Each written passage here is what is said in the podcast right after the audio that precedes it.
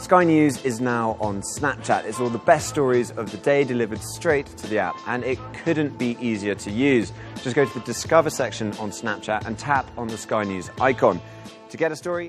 Sånn hørtes det ut da Sky News lanserte sin Snapchat-kanal for ganske nøyaktig ett år siden. Men hvorfor er egentlig nyhetsorganisasjoner så interessert i å samarbeide med Snapchat? I denne episoden av NRK Beta sin podkast skal vi grave litt mer i Snapchat sin satsing mot nyheter, og finne ut hva det er plattformen egentlig vil.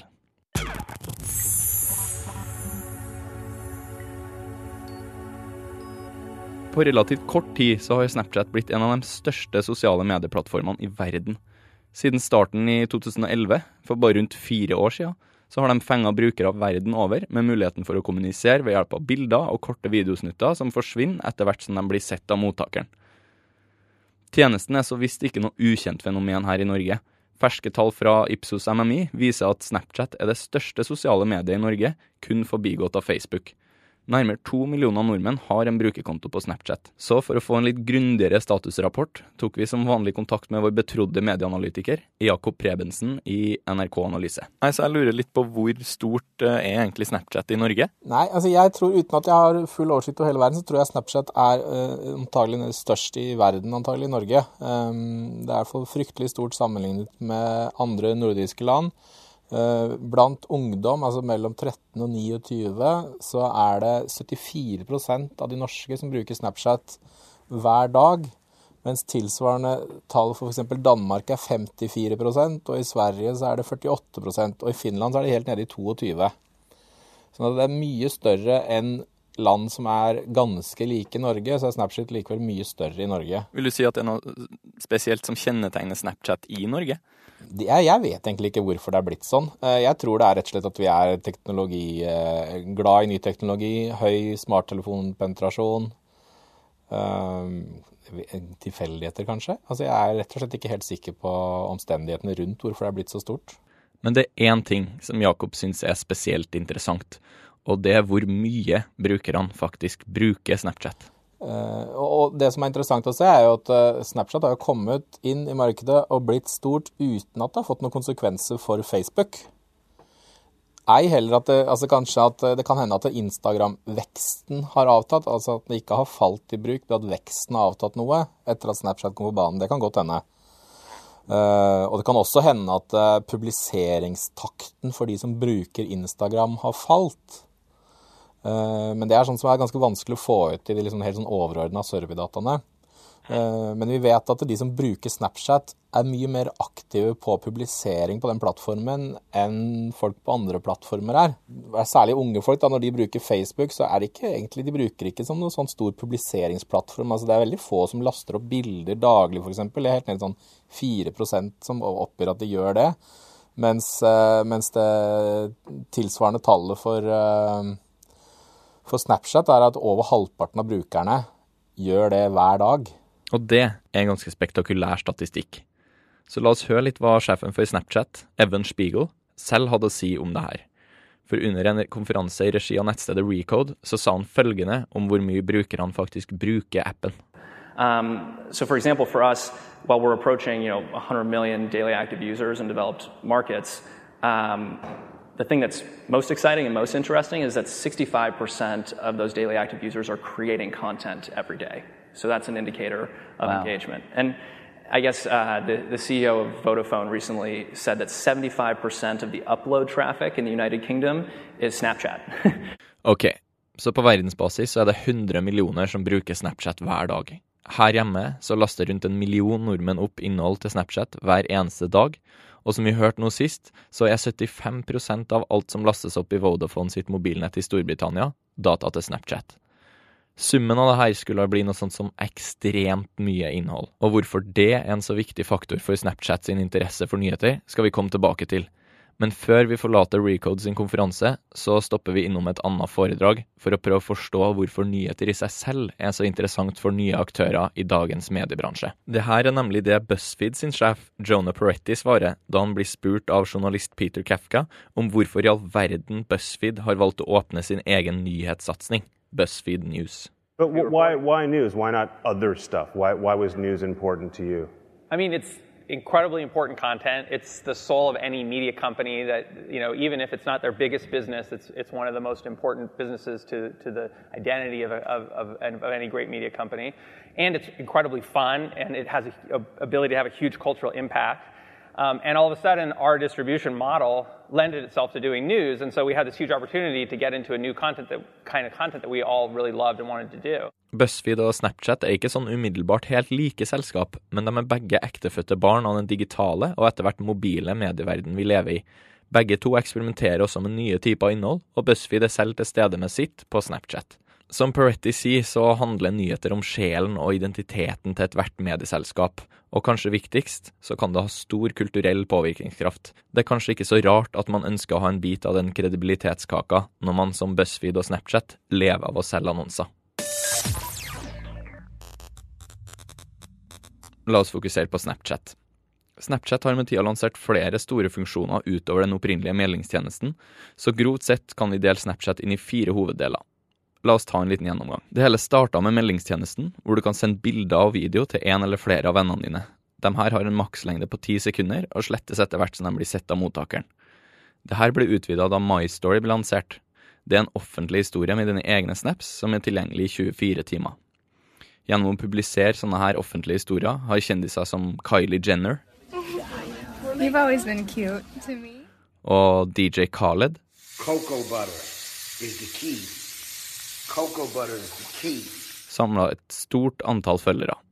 Et talende eksempel på tjenesten sin økende popularitet er at Det hvite hus oppretta en konto på Snapchat dagen før Obamas siste State of the Union-tale for å fortelle om forberedelsene til talen.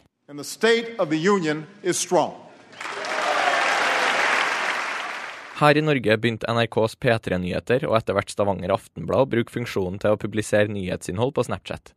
Nå har det gått en stund, og flere norske medier bruker tjenesten. Til Dagens Næringsliv melder TV 2 nylig at de har over 80 000 følgere på sine Snapchat-kontoer, og VG-programmet Panelet har rundt 20 000.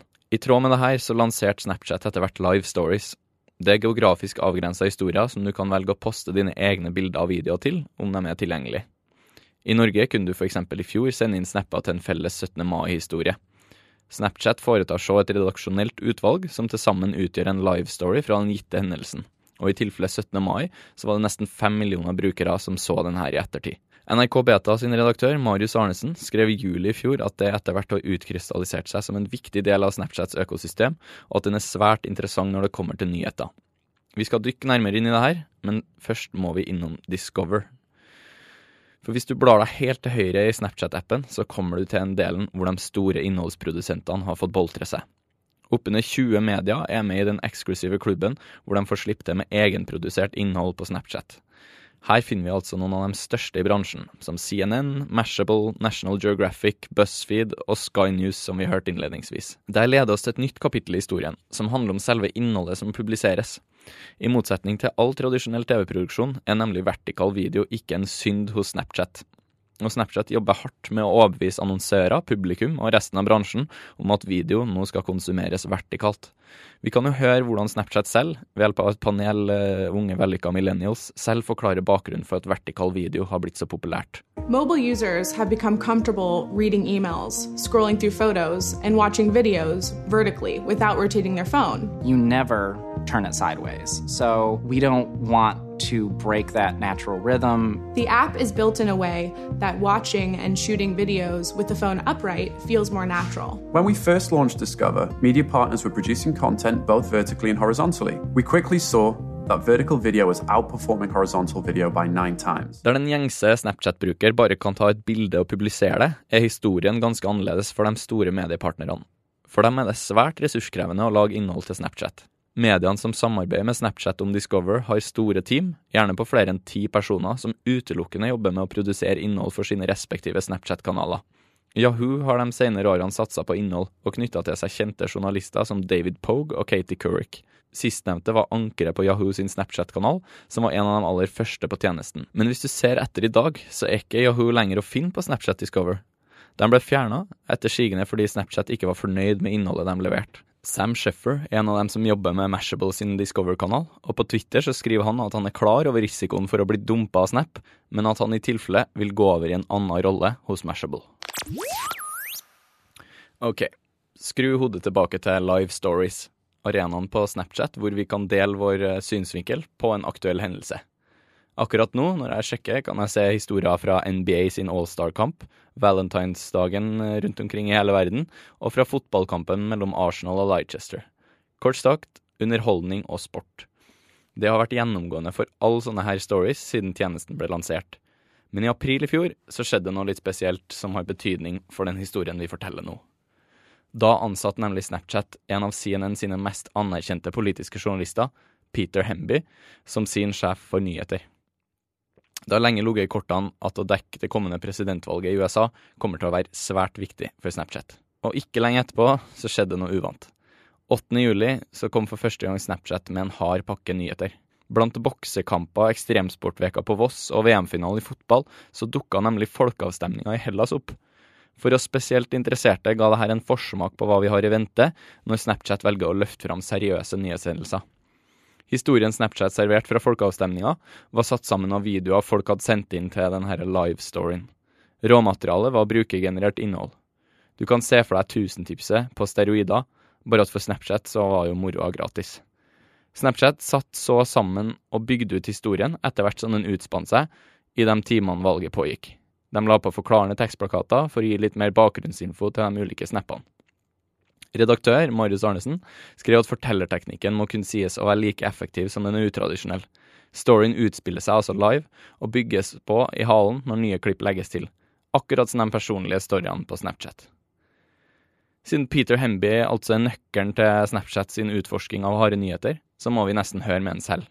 For da han var tilknytta Shorenstein-senteret ved Harvard, så skrev Peter Hemby avhandlinga Did Twitter kill the boys on the bus? I den trekker han på sin erfaring med å dekke presidentvalget i 2008 og 2012, og analysere utfordringene for journalister i vår tid, hvor medias økosystem er i hurtig forandring.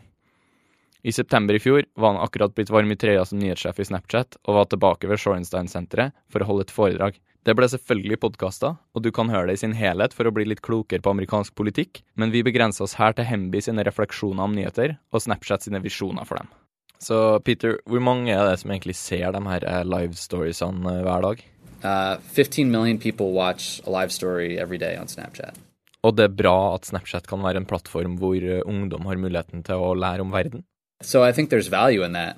I really do. I mean, like a a 19 year old um, may not come across what the Iran deal is, but if it's in their face in Snapchat where they're living all day, I, I, I kind of see that as a, as a social good. I think that's a, that's a good thing.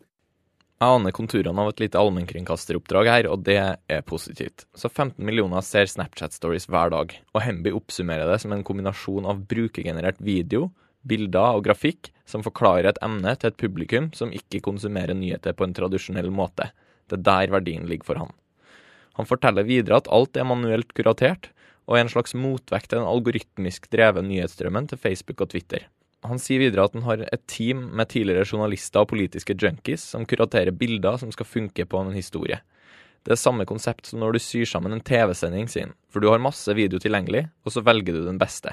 I mean, essentially, like when you put together TV package, you have all of this video. You pick the best video, you pick the best graphics, you pick the best moments, you pick the best sound. We're doing the same thing. It's just that the content is user driven, as opposed to stuff that over the shoulder photographers shot. Um, and then we're able to craft it into an explainer and showcase to people. Hemby oppsummerer Snapchat sine stories som TV før vi fikk opptaker. Store hendelser som Emmys, store fotballkamper og valg rundt om i verden, eller at paven kommer på besøk. Du er nødt til å være til stede, for historien er ute av verden om 24 timer, for da forsvinner.